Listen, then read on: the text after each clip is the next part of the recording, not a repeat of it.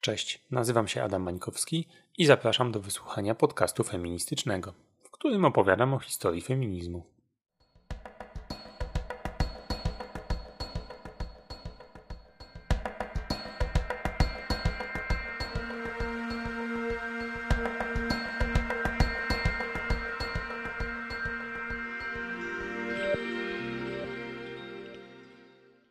Odcinek 21 Kobieta i socjalizm. Witam Was serdecznie w kolejnym odcinku podcastu feministycznego.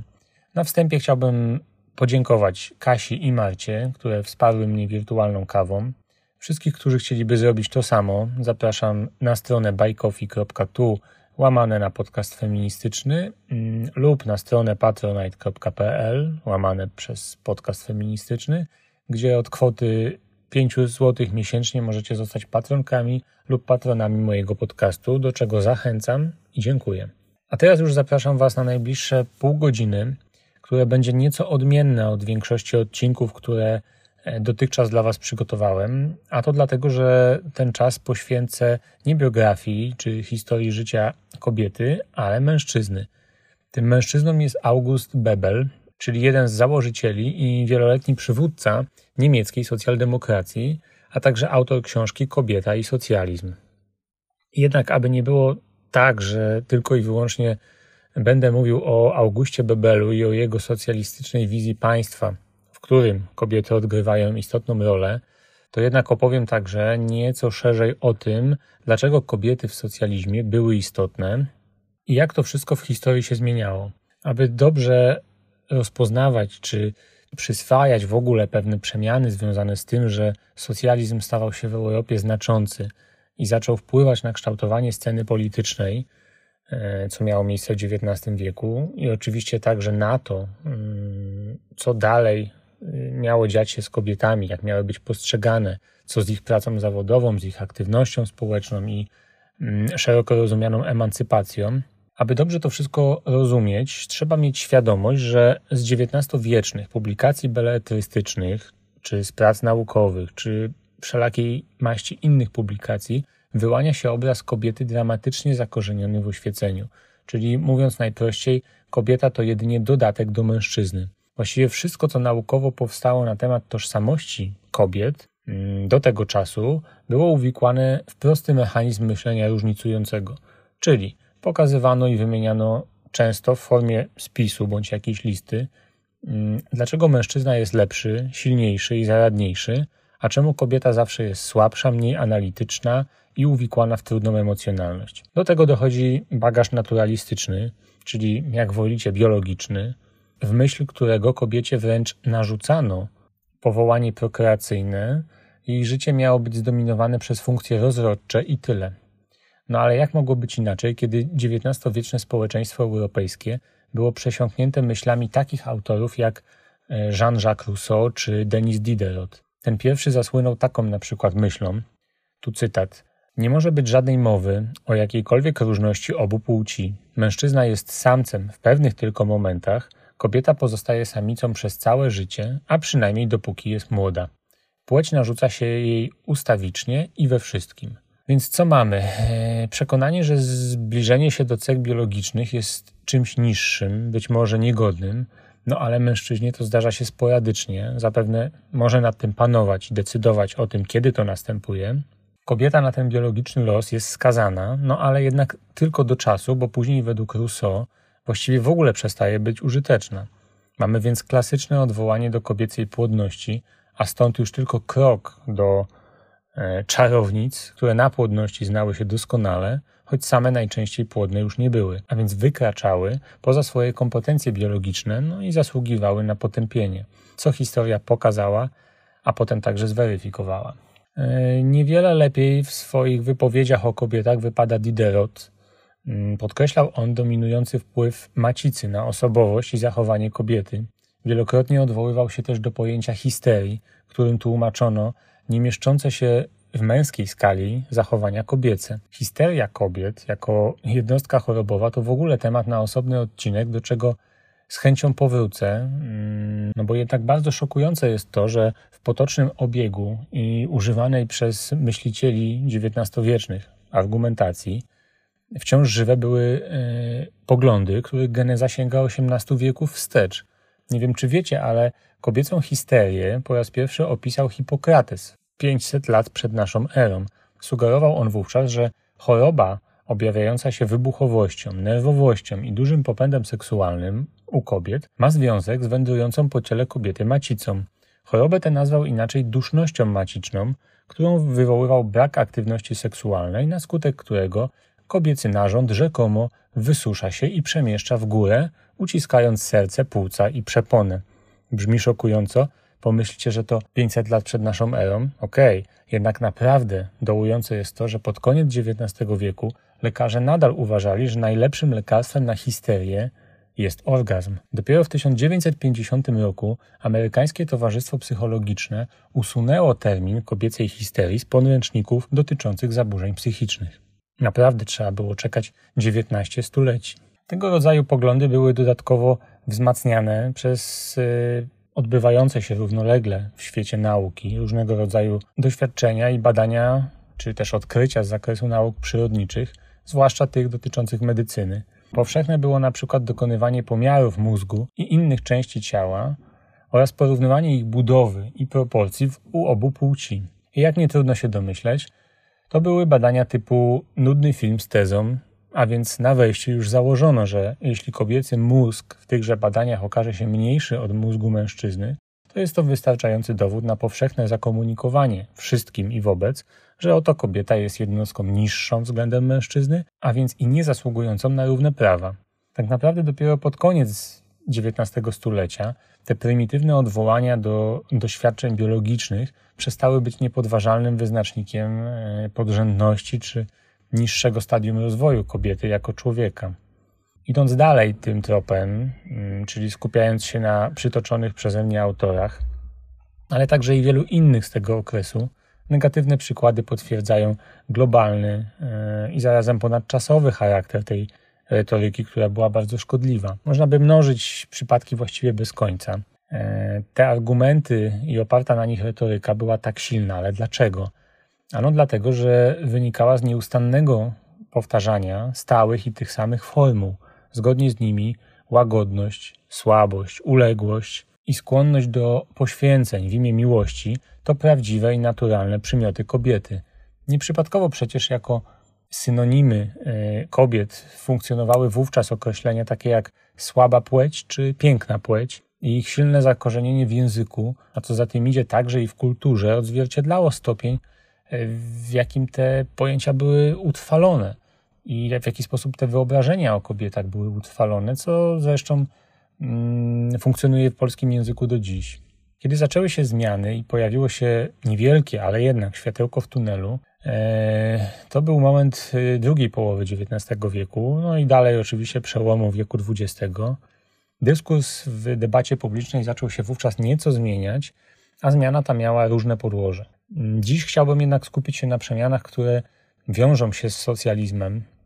Kilka dni temu opublikowałem w mediach społecznościowych post, w którym trochę nawiązałem treścią do tego odcinka, a treść dodatkowo wzbogaciłem grafiką, na której umieściłem pytanie brzmiące: kiedy socjalizm upomniał się o kobiety?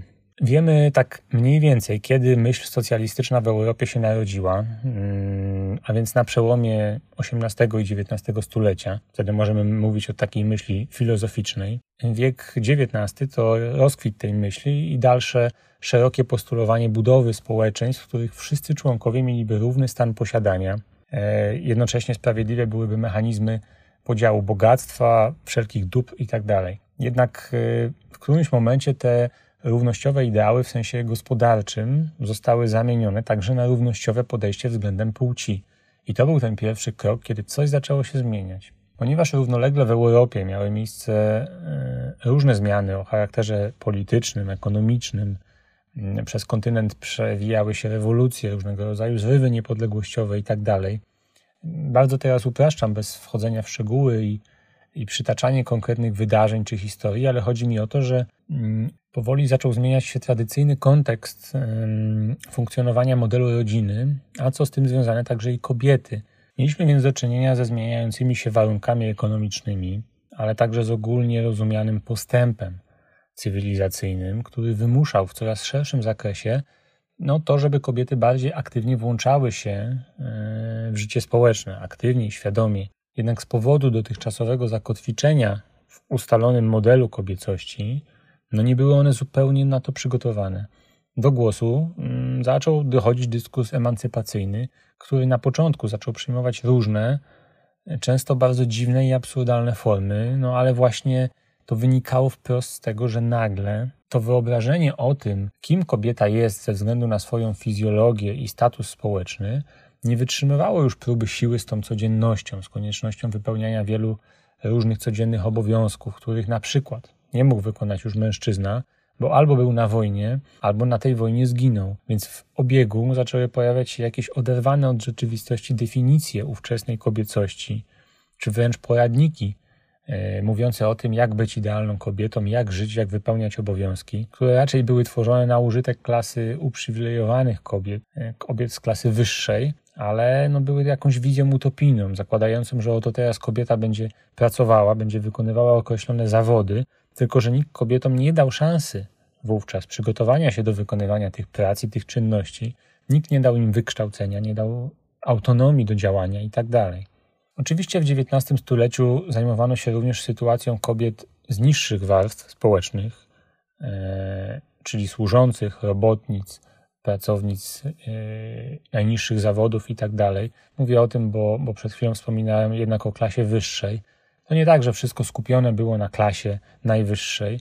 O kobietach z ludu mówiło się w kontekście, najczęściej w kontekście biedy, braku możliwości opieki nad dziećmi. Zaczęto dostrzegać skalę nadużyć, e, zarówno fizycznych, jak i psychicznych względem kobiet. Czyli mowa jest tutaj o przemocy, o prostytucji i tak. Jednak o kwestiach kobiet z warstw wyższych mówiono bardziej indywidualnie, konkretnie. Kładziono nacisk głównie na doskonalenie charakteru, na sposób kształcenia. Wreszcie zaczęto mówić o przygotowaniu do małżeństwa, o odpowiednim wychowaniu potomstwa itd. Tak Natomiast kobiety z ludu zawsze przywoływane były w kontekście całej klasy, szerokiej perspektywy. Nie było tego e, podejścia indywidualnego, co było bardzo krzywdzące. Pochodzenie społeczne kobiet, e, a co za tym idzie ich sytuacja materialna, zasoby czasu wolnego, e, posiadanie umiejętności takich jak na przykład czytanie, okazywały się znacznie ważniejsze niż solidarność płci, która mogłaby zjednoczyć je ponad podziałami ekonomicznymi czy politycznymi. I na tą hipokryzję zwrócili uwagę dopiero socjaliści. I to właśnie w tym kontekście napisałem w poście, że upomnieli się o kobiety, co nie znaczy, że rozwikłali nagle wszystkie problemy kobiet albo że zapewnili im wszechobecną równość praw. Po prostu dostrzegli problem i zaczęli o nim mówić. Jednym z takich socjalistów był właśnie August Bebel.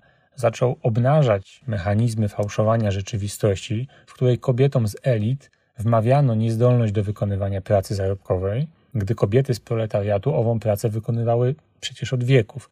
Wskazywał także na pojęcie rodziny, która jako jednostka społecznie archaiczna i uwikłana w patriarchalną mentalność miała według niego i innych publicystów lewicowych podtrzymywać zależność kobiet od mężczyzn nadal.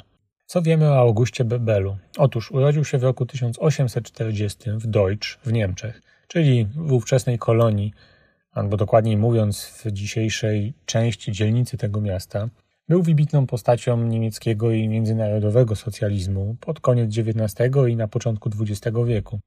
Z pasją opowiadał się za sprawiedliwością społeczną i wyzwoleniem kobiet – co na ówczesne czasy było naprawdę nietuzinkowe, w swojej książce, o której już wspomniałem, która nosi oryginalny tytuł Die Frau und der Sozialismus, opublikowany w 1879 roku, przedstawił programową platformę dla socjalistycznego ruchu kobiecego. Między 79 a 1914 rokiem, w który to rozpoczęła się I wojna światowa, jego książka została opublikowana w ponad 50 wydaniach i przetłumaczona na ponad 20 języków. Pierwsze anglojęzyczne wydanie ukazało się dość późno, bo w 1908 roku, ale jednak. E, właściwie w przeciwieństwie do wielu swoich przyjaciół i kolegów, wywodzących się tak jak on z ruchu robotniczego, Bebel wierzył, że kobiety są równe mężczyznom i powinny mieć takie same ekonomiczne, społeczne i polityczne prawa. E, I oczywiście obowiązki, i to zdecydowanie z jego książki wybrzmiewa. Skupmy się jeszcze przez chwilę na robotniczych korzeniach Bebela, bo to dość istotne. Otóż ze względu na trudną sytuację rodzinną, kiepską sytuację finansową, musiał przerwać formalnie edukację w wieku 14 lat. Eee, jego rodzina, jego matka znalazła się w trudnej sytuacji. Musiał podjąć pracę jako stolarz. Jego ojciec był e, podoficerem, który zginął, kiedy młody August miał zaledwie 4 lata. No i właściwie cały trud utrzymania i wychowania dziecka spoczął na jego matce. Podzielił on więc los bardzo wielu wykształconych niemieckich robotników z tamtego okresu, czyli z drugiej połowy XIX wieku, którzy musieli dużo podróżować i podejmowali różne ciężkie prace fizyczne, aby po prostu przetrwać. Dzięki temu na własnej skórze doświadczył trudności ekonomicznych i społecznych, z jakimi borykali się na co dzień ludzie z klasy robotniczej. E, najpierw wyemigrował do Lipska, potem do Salzburga, gdzie był krótko, ale zdążył nieco zapuścić korzenie i dołączyć do rzymskokatolickiego klubu robotniczego. Potem zdecydował się jeszcze wrócić do Lipska, gdzie również szukał e, jakiejś formy aktywności dla siebie i dołączał do różnych organizacji skupiających ludzi pracy. Ewidentnie miał w sobie skłonności do działania społecznego. W międzyczasie jeszcze pomiędzy Salzburgiem i Lipskiem próbował zaciągnąć się jako ochotnik do armii, co jednak się nie udało ze względu na jego kłopoty zdrowotne i najogólniej mówiąc nie najlepszą kondycję fizyczną. Został po prostu przez armię odrzucony. Być może to był moment, który ostatecznie o powrocie do Lipska przesądził, z całą pewnością jednak dzięki temu obrotowi spraw mógł zacząć rozwijać się w zupełnie innym kierunku niż, e, niż służenie w armii. W 1861 roku zainteresował się polityką na dobre i dołączył do Lipskiego Robotniczego Stowarzyszenia Edukacyjnego, które było jedną z wielu grup samopomocy, e, które w latach 50. i 60. działały w Niemczech. Tego typu organizacje były zazwyczaj zakładane i kierowane przez liberalnych, reformatorsko nastawionych przywódców e, z klasy średniej. Ich celem była pomoc mężczyznom z klasy robotniczej w zdobyciu podstawowego zrozumienia kwestii społecznych, ale także i praktycznych umiejętności.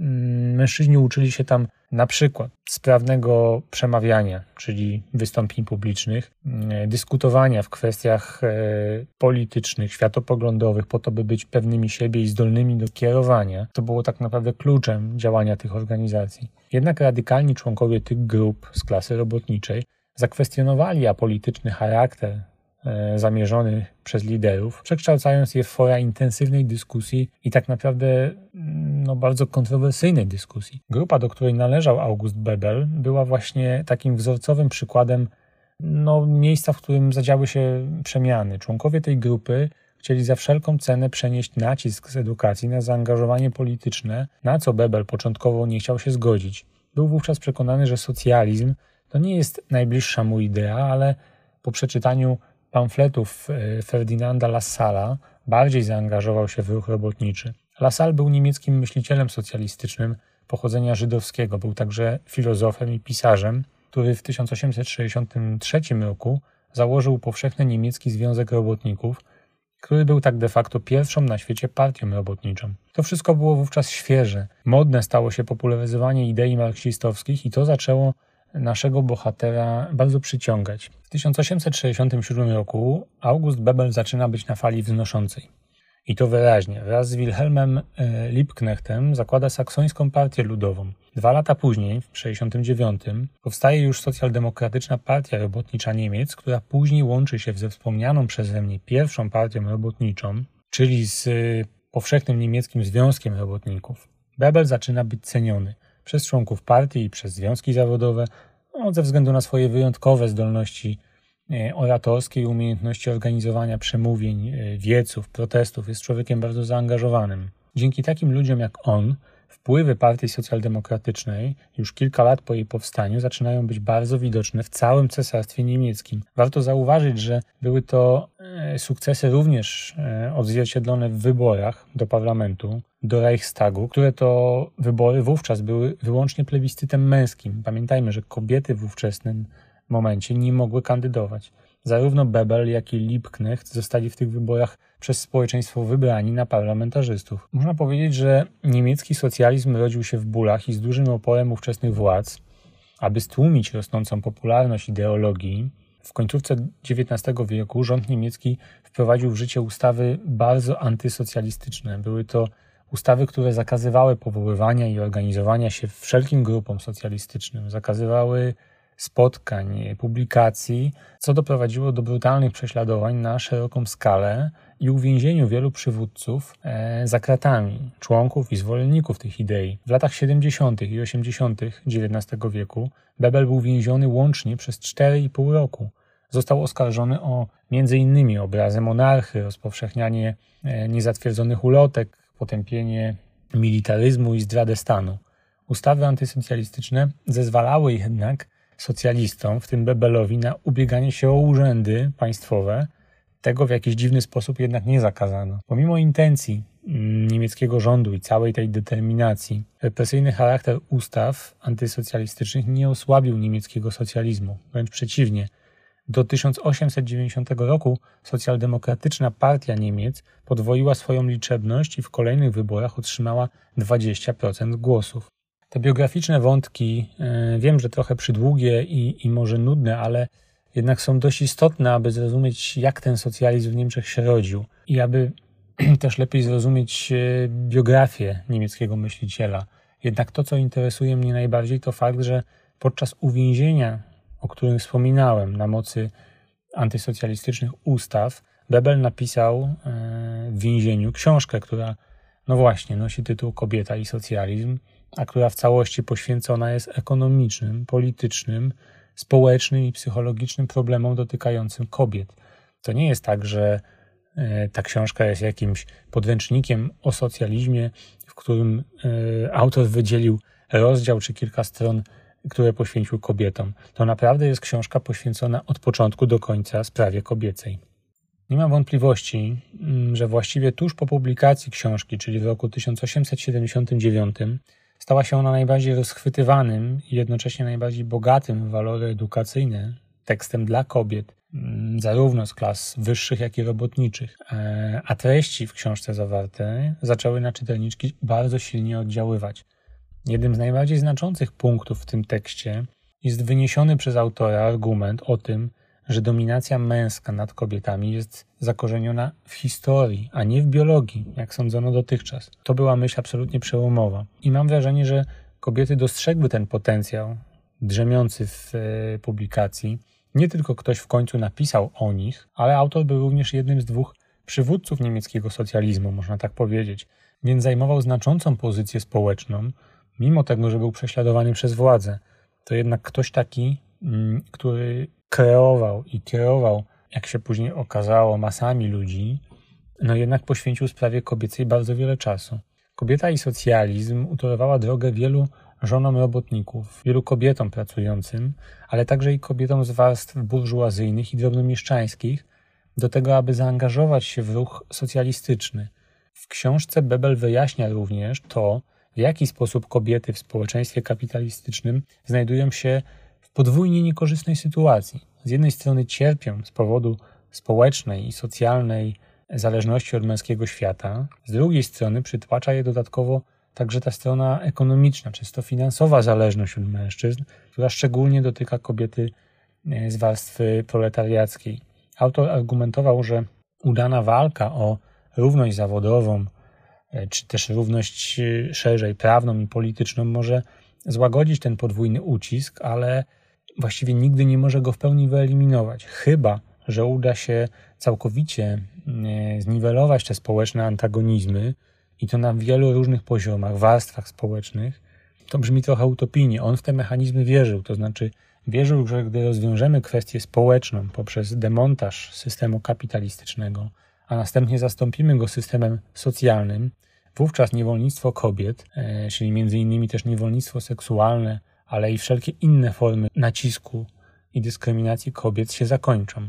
Z naszej perspektywy wiemy już, że e, no było w tym sporo utopii, tak, że socjalizm, owszem, w tych postulatach myślicieli, e, w postulatach Bebela upominał się o kobiety, w praktyce bywało już nieco inaczej. W jego życiu, w jego aktywności cały czas bardzo silnie przewijały się wypowiedzi no, w których brał w obronę wszelkie postulaty feministyczne. Pisał i mówił o powszechnym prawie wyborczym dla mężczyzn i kobiet na równych zasadach, na wszelkich poziomach, bez względu na stanowisko czy rodzaj plebiscytu wyborczego. Domagał się równego dostępu do edukacji i możliwości wykonywania zawodów, które powszechnie uznawano czy uważano za wyłącznie męskie. Mówił o prawie zamężnych kobiet do posiadania własności. Jego wizja równości płci była niezwykle śmiała jak na tamten czas.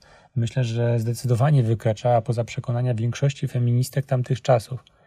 Można powiedzieć, że był rewolucjonistą, ale i człowiekiem bardzo świadomym, to znaczy wiedział, jak dużą siłę mają publikowane przez niego słowa i że mogą wpływać na masy. Doskonale zdawał sobie z tego sprawę. Wiedział również, że jego książka dotrze głównie do kobiet z warstw uprzywilejowanych, e, co nie znaczy, że nie zawarł treści dla mm, kobiet e, z niższych warstw społecznych. Zastosował pewien trik. E, postanowił sugestywnie zmusić czytelniczki, znajdujące się w lepszej sytuacji materialnej, lepiej usytuowane, do przeniesienia uwagi z własnych problemów na te najbardziej palące kwestie społeczne na to, żeby skupiły swoją uwagę na kobietach z klas niższych, aby z tym przekazem i wiedzą zaczerpniętą z jego książki kobiety ruszyły do swoich koleżanek, e, przyjaciółek, matek, córek itd. Tak w kolejnych akapitach książki dosłownie uświadamia czytelniczki o tym, jak bardzo absurdalne są wewnętrzne podziały kobiecej wspólnoty i podważa zasadność dyskusji nad zakresem praw i obowiązków odmiennych dla tych kobiet, którym starano się wyperswadować pomysł nauki zawodu i pracy poza domem oraz tych, których pracę zarobkową uznawano za oczywistość. No to były, e, jak mówię, triki i metody no, bardzo przemyślane, tak, świadczące o tym, że jego wizja socjalizmu, który upomina się o kobiety, była bardzo, była bardzo pragmatyczna. Pozwólcie, że zostawię Was na koniec dwoma cytatami z jego książki. E, pierwszy z nich brzmi tak. Fantastyczne, więc wyobrażenie o kobiecie, jedynie jako o istocie delikatnej, wyposażonej w duszę, tkliwą, wyobrażenie stworzone przez poetów i powieściopisarzy dla przyjemności mężczyzn, niezgodne jest zupełnie z rzeczywistością. Fakty to rzecz uparta, my zaś trzymamy się tylko faktów, ponieważ one jedynie chronią nas od fałszywych wniosków i od sentymentalnych majaczeń. I cytat drugi. Mimo to, że powyżej zarysowany rozwój położenia kobiety leży jak na dłoni i że widzieć je musi każdy, ktokolwiek ma oczy otwarte, codziennie słyszymy jeszcze pustą deklamację o przyrodzonym powołaniu kobiety, deklamację odsyłającą kobietę do domu i rodzinnego ogniska. Najwięcej rozwodzą się na ten temat tam, gdzie kobieta usiłuje wejść w sferę tak zwanych wyższych zawodów, jak na przykład wyższe stanowiska w nauczaniu, w urzędach, zawód lekarski, adwokacki i przyrodniczy. Możemy powiedzieć, że August Bebel był człowiekiem czynu socjalistycznego. Jakkolwiek by to oceniać, nie jest to moim celem, nie jest to celem tego odcinka, ale w kwestiach feminizmu był raczej teoretykiem, powiedzmy teoretykiem rewolucjonistą, tak bym go określił. Do dziś uważany jest za jednego z głównych twórców podstaw feminizmu socjalistycznego, feminizmu niemieckiego także. Był przekonany, iż nie ma wyzwolenia ludzkości bez społecznej równości płci. I tu postawię kropkę. Dziękuję Wam za uwagę. Przypominam, że jeśli zechcecie dobrowolnie wesprzeć mój podcast, to zaglądajcie na Patronite lub Buy Coffee. Czekam na Wasze opinie i komentarze. Zaglądajcie również na social media. Do usłyszenia w kolejnym odcinku.